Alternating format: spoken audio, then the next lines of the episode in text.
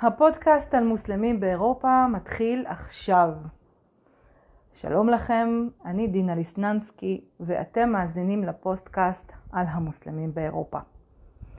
את הפרק הראשון של הפודקאסט הזה אני מתחילה בצל האירועים הקשים בצרפת, שם פליט צ'צ'ני מוסלמי בן 18 שגדל בצרפת מגיל מאוד צעיר, רצח בדקירות סכין מורה צרפתי בשם סמיואל פתי וניסר את ראשו באותה סכין. לפי הנרטיב הרווח, אה, הדבר קרה מכיוון שהורי התלמידים המוסלמים באותו בית ספר, שם סמיואל פתי לימד, התלוננו שהמורה הזה מסית את ילדיהם נגד דת האסלאם. סמואל פתי הציג בכיתה קריקטורות של הנביא מוחמד ואותן קריקטורות היו מהעיתון שרלי אבדו המוכר לכולם. את זה הוא עשה בניסיון להסביר פלורליזם מהו. ופה כמובן האירוניה קורסת אל תוך עצמה. התזמון של האירועים האלה חל בדיוק בחודש שבו נשיא צרפת, עמנואל מקרו, מכריז על מלחמה במה שהוא מכנה איסלאמיזם או אסלאם פוליטי. כל אחד מהמשפטים שאמרתי עכשיו ראוי לפרק משלו, וכך יהיה. ובינתיים אנחנו נחזור להסברים שנותנים היום בנושא המניע או המוטיבציה שהייתה לבחור צ'צ'ני מוסלמי בן 18 לערוף את ראשו של מורה צרפתי בן 47. בין הדברים שאנחנו שומעים לא מעט בהקשר של מוסלמי אירופה, שאלת הזהות היא זו שתמיד מושכת הכי הרבה תשומת לב. מי הם יותר תמיד שואלים? האם הם יותר מוסלמים? האם הם יותר אירופאים? האם בכלל מותר לשאול שאלה כזאת בעידן הפוליטיקלי קורקט? זו גם שאלה חשובה שצריך להציג. על השאלה הזאת, למשל, נראה שעדיין אין תשובה חד משמעית. וזה למרות שיש הרבה מאוד ניסיונות לענות על השאלה הזאת. אני אתן לכם איזושהי תשובה על השאלה הזאת, אני לא אשאיר אתכם תלויים באוויר, אבל זה לא יקרה היום. אבל היום, בגלל שזה הפרק הראשון, בחרתי להתמקד דווקא בנושא הזהות דרך פריזמה הרבה פחות צפויה ואפילו הפחות אקדמית. היום אנחנו ננסה לענות על השאלה איך מוסלמים בבריטניה שותים את התה שלהם. אז תה ואוכל כולנו זקוקים לאוכל, כולנו אוכלים, אבל האם אוכל יכול לומר משהו בכלל עלינו? האם אוכל יכול להעיד משהו על הזהות שלנו? מה בעצם האוכל שלנו מספר עלינו? ומה הוא יכול לספר על הזהות המוסלמית של מהגרים מוסלמים במערב? אז רוב המוסלמים בבריטניה למשל היום, והיום אנחנו נדבר על בריטניה, כי אנחנו מדברים על תה, ותה זה הכי בריטי שאפשר. אז רוב המוסלמים בבריטניה היום הם או מהגרים או ילדים של מהגרים או נכדים למהגרים. כלומר יש לנו בעצם שלושה דורות מהגרים שקיימים היום בבריטניה. אין ספק שהזהות שלהם עוברת שינויים לא רק בגלל השינויים הגיאוגרפיים שהמשפחות המוסלמיות חוו במעבר מהמזרח התיכון או מתת היבשת ההודית אל לב בריטניה. אנחנו בעצם מדברים על שינויים שהזהות הזאת עוברת לאורך הדורות. ואחד המרקרים, אנחנו קוראים להם מרקרים, לסמנים שאנחנו משתמשים בהם כדי להסביר אה, אה, תופעות שונות. אז אחד המרקרים הבולטים ביותר שמעידים על שינוי זהות מסוים הוא כמובן האוכל. מרקרים לא צפויים נוספים, רק לשם השוואה, יכולים להיות גם לבוש או שפה. על כל אחד מהמרקרים האלה נדבר בפרקים הבאים. אבל היום נדבר על אוכל. ואחד המחקרים המרתקים ביותר שיצאו ונכתבו בנושא האוכל והזהות המוסלמית בבריטניה היה מחקרו של ריאז תימול. ריאז תימול הוא חוקר מאוניברסיטת קרדיף בבריטניה. וריאז ערך עבודת שטח שנמשכה כמעט שנה וחצי, ובמהלך אותם 18 חודשים הוא נדד ברחבי בריטניה ואפילו הרחיב קצת את גבולות המחקר שלו מעבר לגבולות בריטניה אל חלק ממדינות אירופה. אחד הנושאים המרתקים ביותר במחקר של ריאז היה היחס לתה. תה. תה תופס מקום של כבוד במסורת הבריטית, וכמובן שגם בחיי היומיום בבריטניה. אנחנו מדברים על היי-טי, כן? אנחנו מדברים על רויאלטי, על 5 o'clock tea, אנחנו מדברים על זה שהמלכה שותה תה, וכמובן על זה שכולם בבריטניה, אה, כמו שזה נראה, אוהבים תה. אולי לא כולם, אבל הרוב. ופה צריך לומר שהאופן שבו מגישים תה או חולטים אותו, משנה, בעצם האופן הזה מאוד משנה את טעם התה. עצם החליטה משנה את טעם התה ומשפיעה עליו כמובן.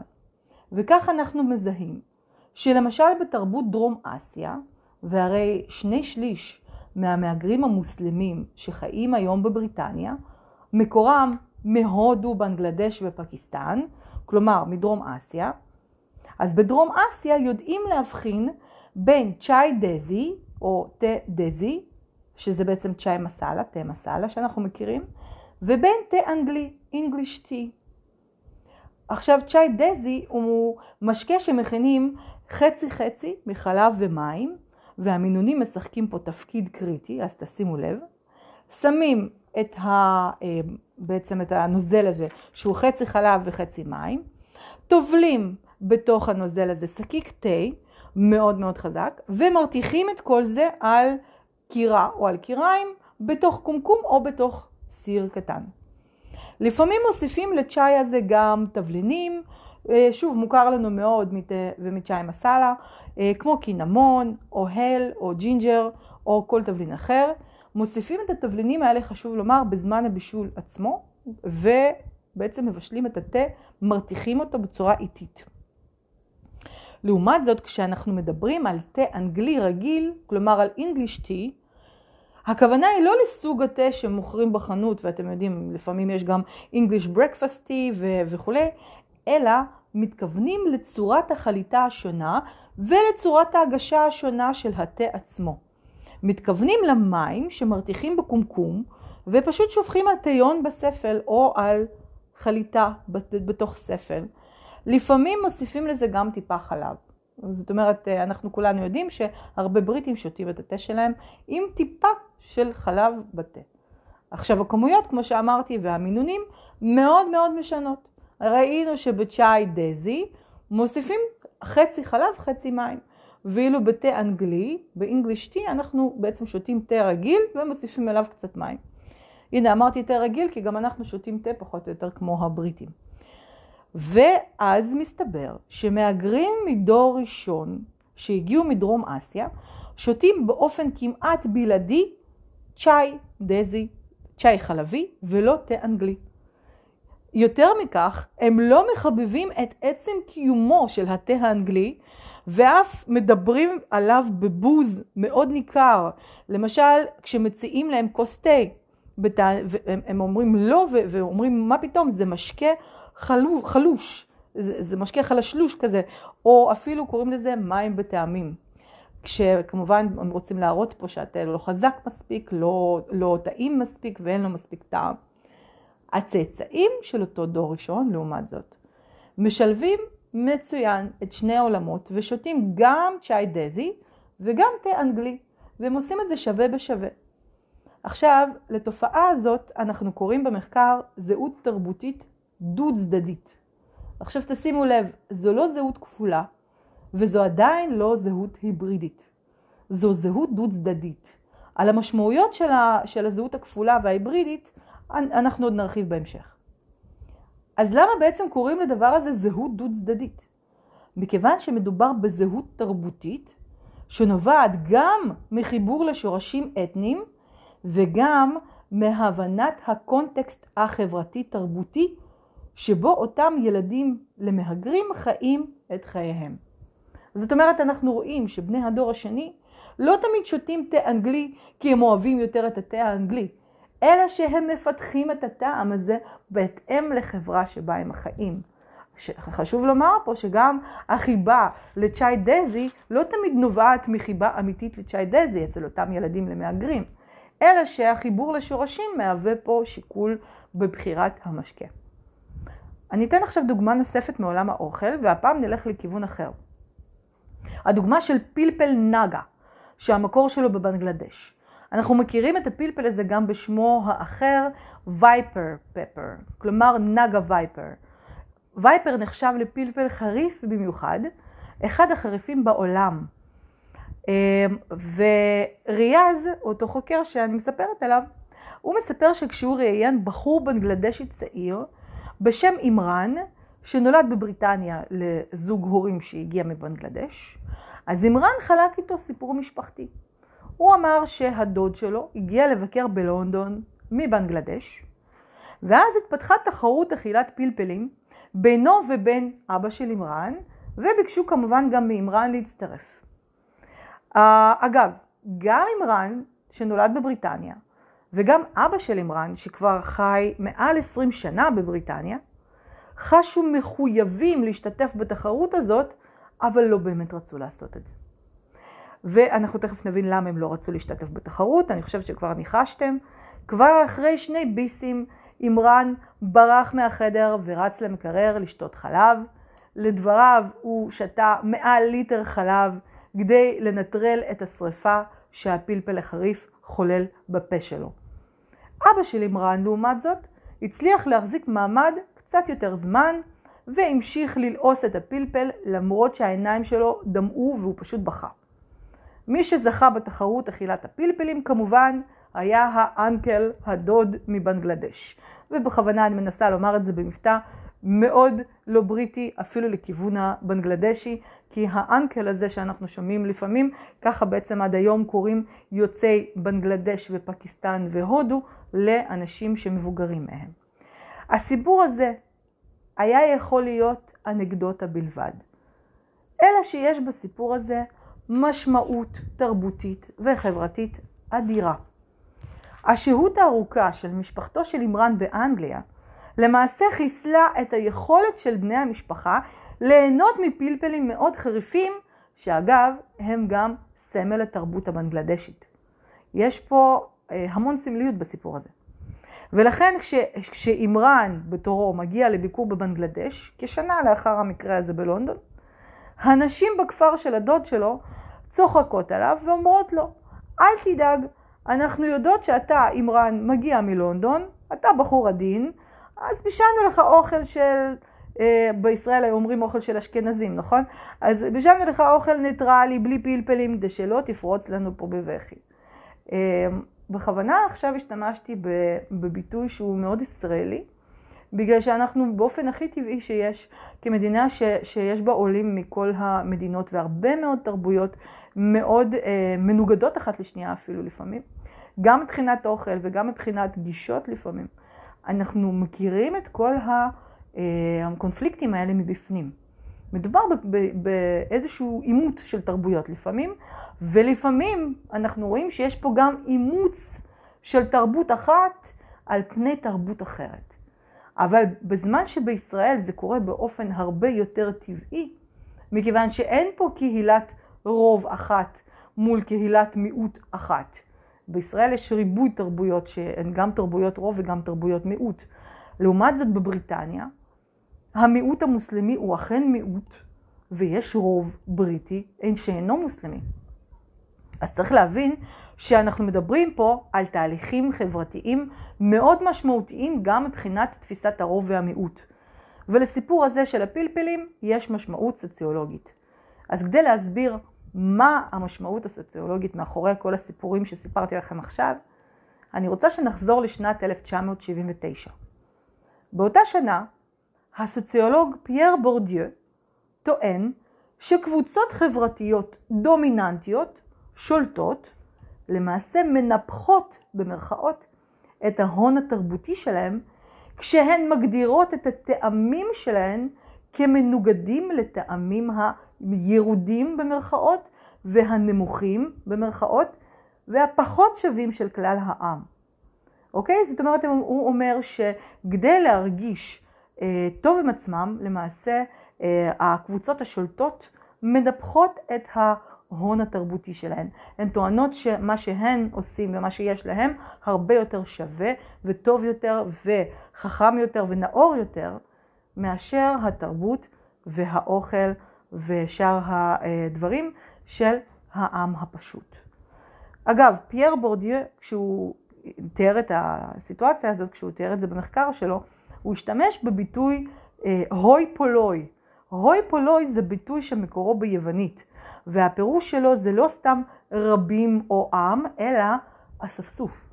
כלומר, הכינוי של העם הפשוט כאספסוף, כהוי פולוי, היה בעצם חלק ממה שפייר אה, בורדיו אמר. ואז אנחנו בעצם מבינים שבמילים פשוטות, בורדיו טוען שסנוביות לא נולדים איתה. זו הבניה חברתית. סנוביות, סנוביזם זו תוצאה של הבניה חברתית. וזה חברים אומר רק דבר אחד. כשיש שני ילד, ילדים בגן שמתווכחים מה יותר שווה, ביסלי או במבה, או צבע אדום מול צבע ירוק, הילדים האלה לא באמת מתנהגים בצורה ילדותית. למעשה, אם אנחנו נסתכל על המחקר הסוציולוגי של פייר בורדיה, מדובר במשחקי כוחות שבעתיד יתרמו להבניה חברתית של הון תרבותי של אחד מהם, או של השני, לא פחות. וזה גם אומר לצערנו הרב שיש מחיר מאוד כבד לסוציאליזציה, לחברות, במיוחד כשמדובר בחברת מהגרים שמוצאת את עצמה בתוך חברת רוב. וזה אומר שאנחנו, אם אנחנו מיעוט, באופן מילולי ממש אנחנו מתחילים לאמץ טעמים שמקובלים יותר על חברת הרוב, שאנחנו תלויים באישורה. זה אומר שאם יש לי חיבה מיוחדת ללחם נאן וחברת הרוב אוכלת פיצה, אז אתם כבר מנחשים מה אני אוהב עוד מעט יותר מלחם נאן, כי אני ממש ממש צריכה את האישור הזה של חברת הרוב שמסביבי. אה, בואו נקרא לזה רק היום, אוקיי? סוציולוגיה של צלחות. אגב, בשלב מסוים מתחיל לקרות גם תהליך הפוך של אפליה מתקנת מסוימת. וכך אוכל אתני לאט לאט הפך לאהוב יותר ומקובל יותר באנגליה, ובמידה מסוימת זה אפילו בא על חשבון הפיש אנד צ'יפס המפורסם שלה. אבל אם נחזור למחקר הגסטרונומי המרתק של ריאז טימול, במחקר שלו הוא ראה שההבדלים בין שני דורות המהגרים בבריטניה הם ממש מובנים מבחינה חברתית. כלומר, תואם לחלוטין את מה שאמר פייר בורדיה. העדפת הטעמים הבריטיים יותר אצל הדור השני למהגרים מול העדפת מטעמי המולדת הישנה בקרב הדור הראשון, אז העדפה הזאת נראית כמוחלטת. כמעט ואין יוצאים מן הכלל. וזה מראה לנו, חברים, שזה הרבה מעבר לטעמים אישיים של בני אדם, של אנשים. יש פה איזושהי, שוב, הבניה והתניה חברתית. הדור הישן או הוותיק, לפי המחקר של, של ריאז, מעדיף מאכלים עתירי שומן כמו קארי וצ'פטי, ואילו הדור החדש והצעיר מעדיף בכלל לא לבשל אלא לקנות טייק אווי, ודברים מאוד פשוטים, בעיקר כמו סלט ונודלס. בזמן הנדודים שלו והמחקר הזה, ריאז טימול נתקל בהרבה סיטואציות מאוד אה, מצחיקות. למשל, פעם הוא צפה בחבורה של צעירים מוסלמים במנצ'סטר, שצפו בהלם מוחלט איך איש מוסלמי הודי זקן, ושהם אגב גם קראו לו מולו אנקל, כן? פורס לעצמו חתיכת פיצה, ואז קורע אותה לחתיכות, וטובל את החתיכות של הפיצה ברוטב בשרי מבשר טלה, יש מאכל כזה שנקרא קראהי, אז הוא טובל את הפיצה שלו בקראהי, המאכל הבשרי הזה מבשר טלה.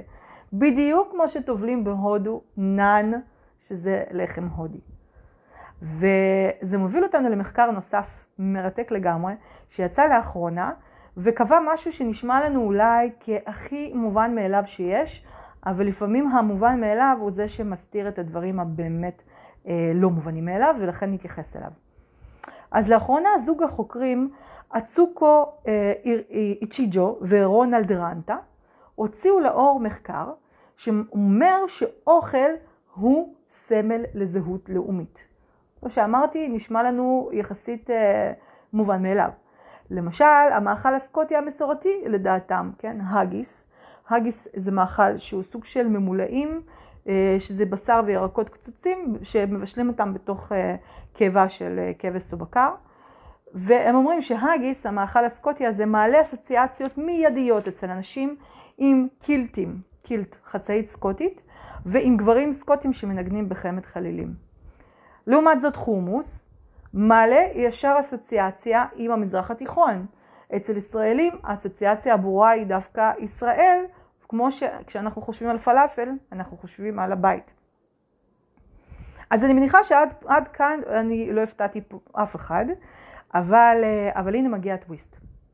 בשנת 2001, שר החוץ הבריטי דאז, רובין קוק, שאגב הוא, הוא בחור ג'ינג'י, בעל מאפיינים חיצוניים מאוד צפון אירופאיים, אז רובין קוק טען שהמאכל צ'יקן טיקן, אה, סליחה, צ'יקן טיקה מסאלה הוא לא רק המאכל הפופולרי ביותר בבריטניה, אלא אפילו הפך למאכל בריטי לאומי בעל מאפיינים מסורתיים בבריטניה.